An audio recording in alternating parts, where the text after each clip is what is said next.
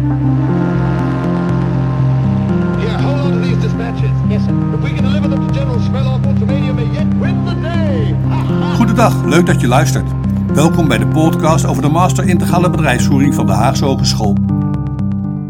De wereld van opleiden is in beweging, zo ook bij de faculteit Management en Organisatie. Deze unieke masteropleiding leert je integraal kijken naar historische vraagstukken binnen en tussen ondersteunende processen van organisaties, waaronder HRM, ICT, Finance, FM en vastgoed. Met het volgen van deze masteropleiding liggen er goede kansen voor je op het vlak van verandermanagement en advisering.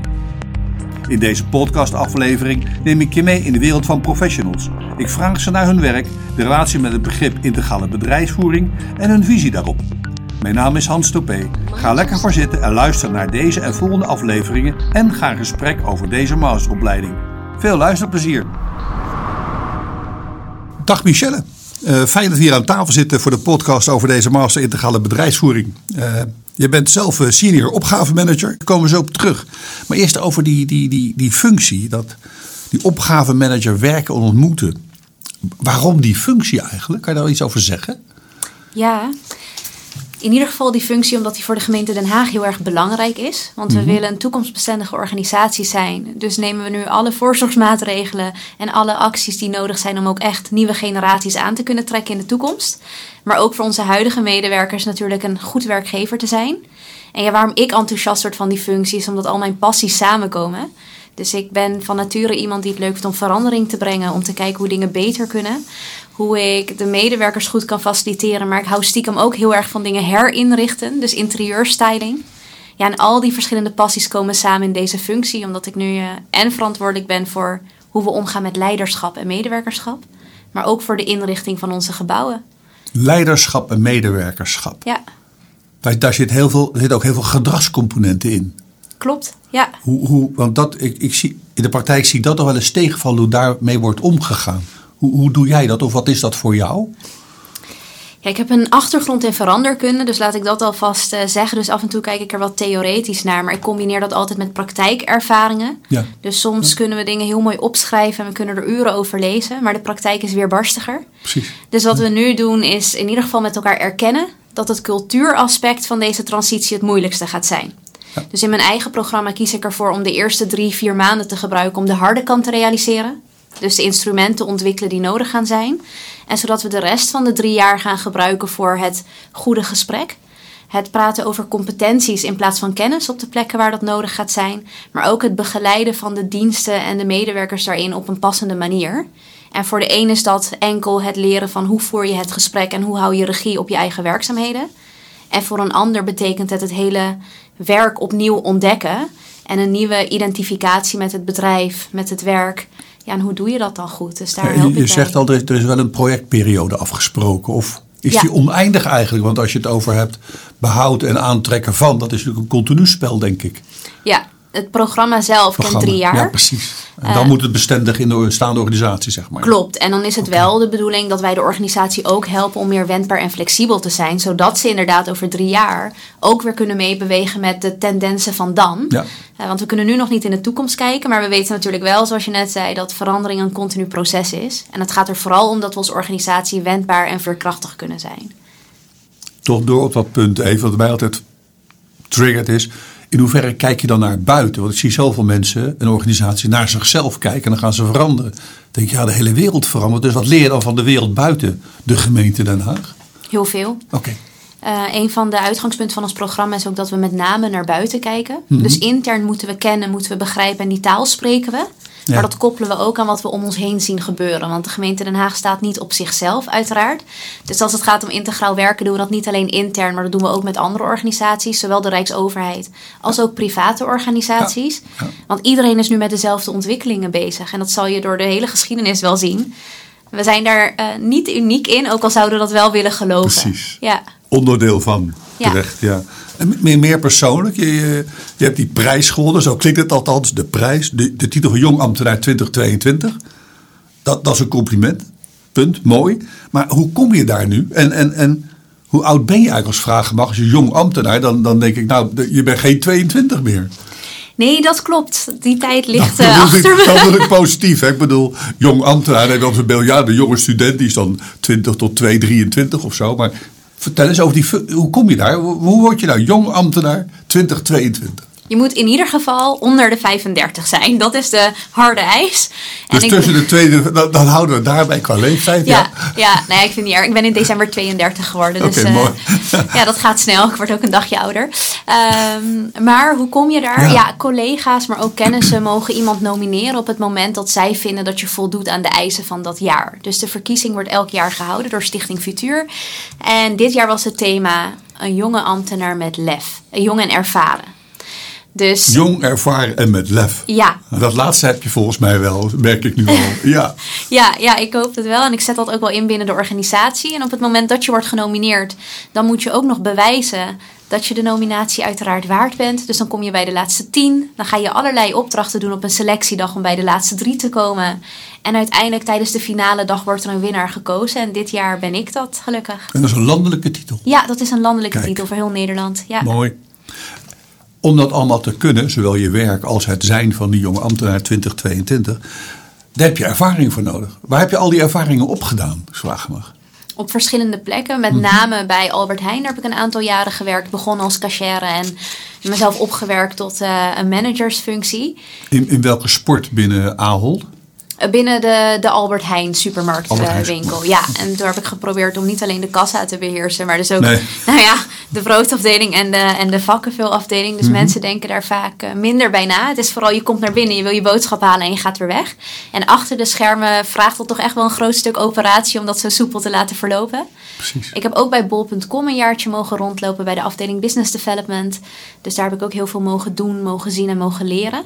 En uiteraard heb ik net als de meeste studenten ook bijbaantjes gehad. Nou, denk aan een strandtent. Ik heb in musicals meegespeeld, misverkiezingen. Ik heb van alles gedaan om nou ja, zoveel mogelijk te zien in verschillende lagen van de samenleving. Nee, maar dat is in ieder geval heel breed. Dus, Ja. dus dat is toch een soort, dat brede zegt iets over je kwaliteiten die je misschien wel nodig hebt om zo'n rol te kunnen vervullen. Ja, dat denk ik wel. Mooi linkje met de mensen die iets met een master willen. Die ervaring dan, en als je dan even, even naar je dagelijkse praktijk, je, je, je hebt, of, of misschien het verleden, oh, je, je hebt gemanaged. Wat voor soort manager ben jij? Ben je een manager? Wat is het? Ja, op sommige momenten ben ik wel echt een manager. Mhm. Dat zijn met name de momenten waarop we gewoon heel strak onze resultaten moeten halen. Wanneer ik ook zie dat dingen niet goed gaan en dat we dat moeten uitspreken. ja. Maar de meeste Dat- tijd ben ik een is leider. dat, is dat moeilijk? Dat In het merk- ik begin merk bij anderen, bij iedereen merkt van ja, als, als iemand iets goed doet, dan staan we altijd bol van complimentjes. Maar we vinden het lastig om iemand aan te spreken op misschien, joh, dat kan beter of anders. Is dat ja, lastig? Ja, in het begin vond ik dat lastig. Mhm. Dus ik heb het geluk, denk ik, dat ik bij de Albert Heijn daarmee, eh, daar ervaring mee heb opgedaan. Inmiddels vind ik dat niet lastig, omdat ik mezelf goed realiseer dat als we dat niet doen, dat we elkaar ook niet helpen. Dus Precies, door het niet uitspreken, Ja, ja, haal ja. je je resultaten niet, doe je niet het beste wat het voor het team is, maar je helpt een ander ook niet groeien.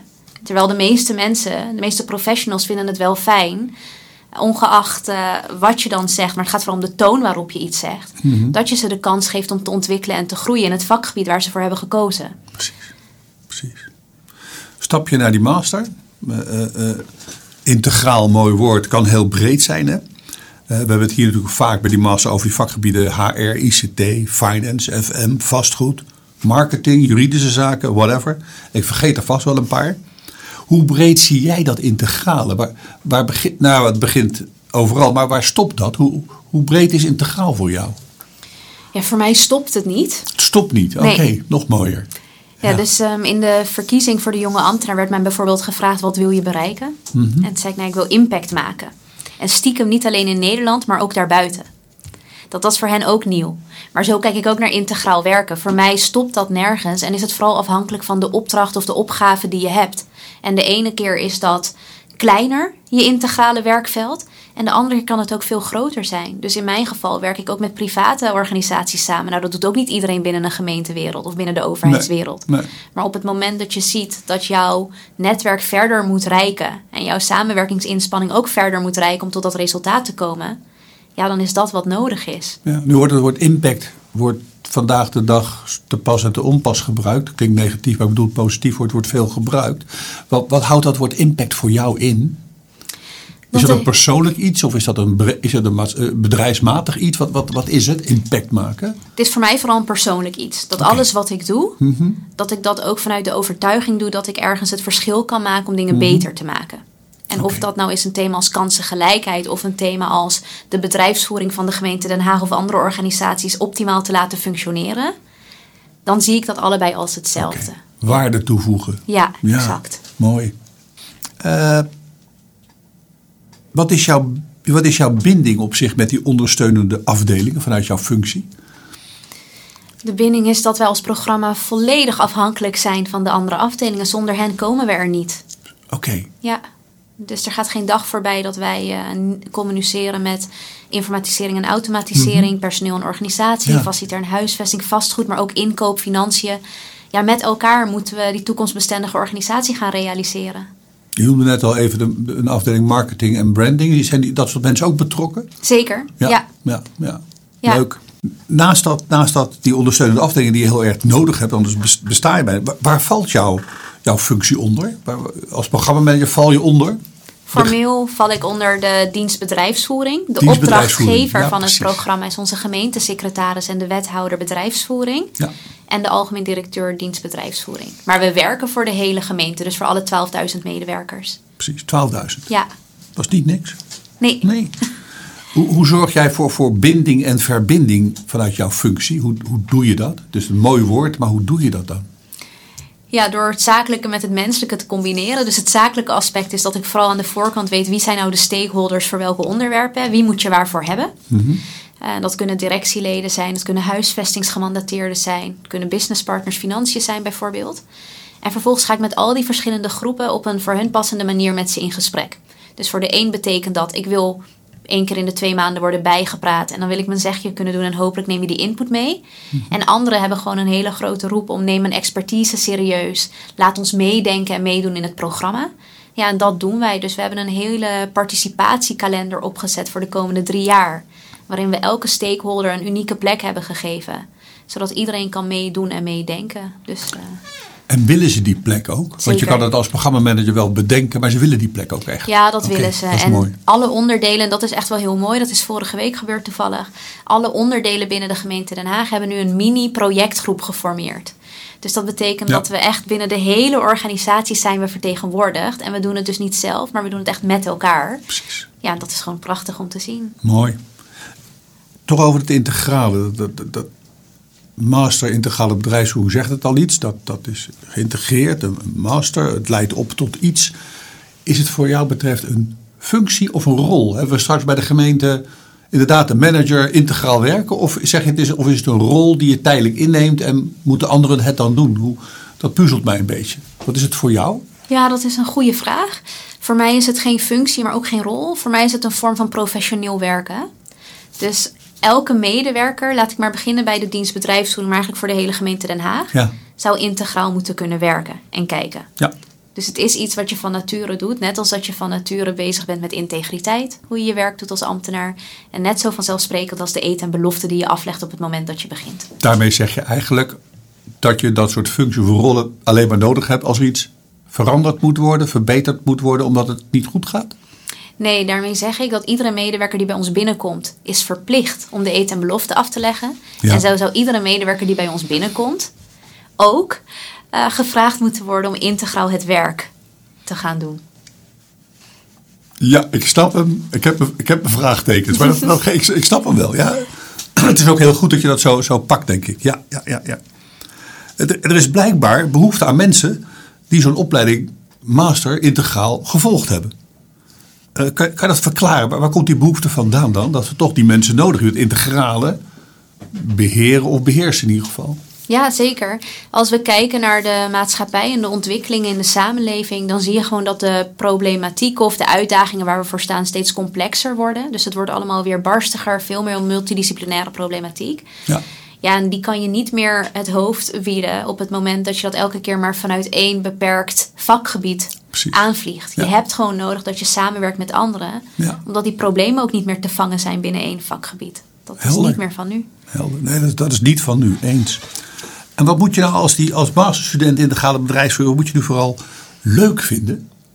Want je, het, moet, het werken moet leuk zijn, zeggen we altijd. Dus wat moet je dan echt leuk vinden, volgens naar jouw idee? Ik denk dat je het vooral leuk moet vinden om een verbinder te willen zijn en nieuwsgierig te willen zijn. Dus echt weten hoe werkt het nou. Niet alleen wat ik zelf doe, maar ook bij die ander. Dus dat je een ander wil begrijpen, dat je wil begrijpen wat diegene doet. Ja, En dat dan weer verbinden aan wat je zelf doet. precies. Mooi, mooi. Nou, over die functie en die rol hebben we het al gehad. Eh, welke mogelijkheden zie jij nou voor zo'n zo'n masterstudent? Als je Ja. het hebt over carrière of, of weer die rol of een vervolgstudie of een functie. Wel- wel- Welk beeld heb jij daarbij? Binnen de overheid zie ik voldoende mogelijkheden bijvoorbeeld. Want op elk gebied, nou ja, wat ik net al zei, iedereen van ons zou integraal moeten kunnen werken en kunnen kijken. Dus of je nou binnenkomt als HR-professional of finance of nou ook binnen het sociaal domein bijvoorbeeld als gezinscoach of wat dan ook. Overal heb je te maken met multidisciplinaire problematiek en dienstverlening aan de burger. Dus binnen de gemeente zijn in ieder geval volop mogelijkheden in allerlei functies. Of je nou projectmanager of beleidsmedewerker bent, integraal werk is voor iedereen noodzakelijk.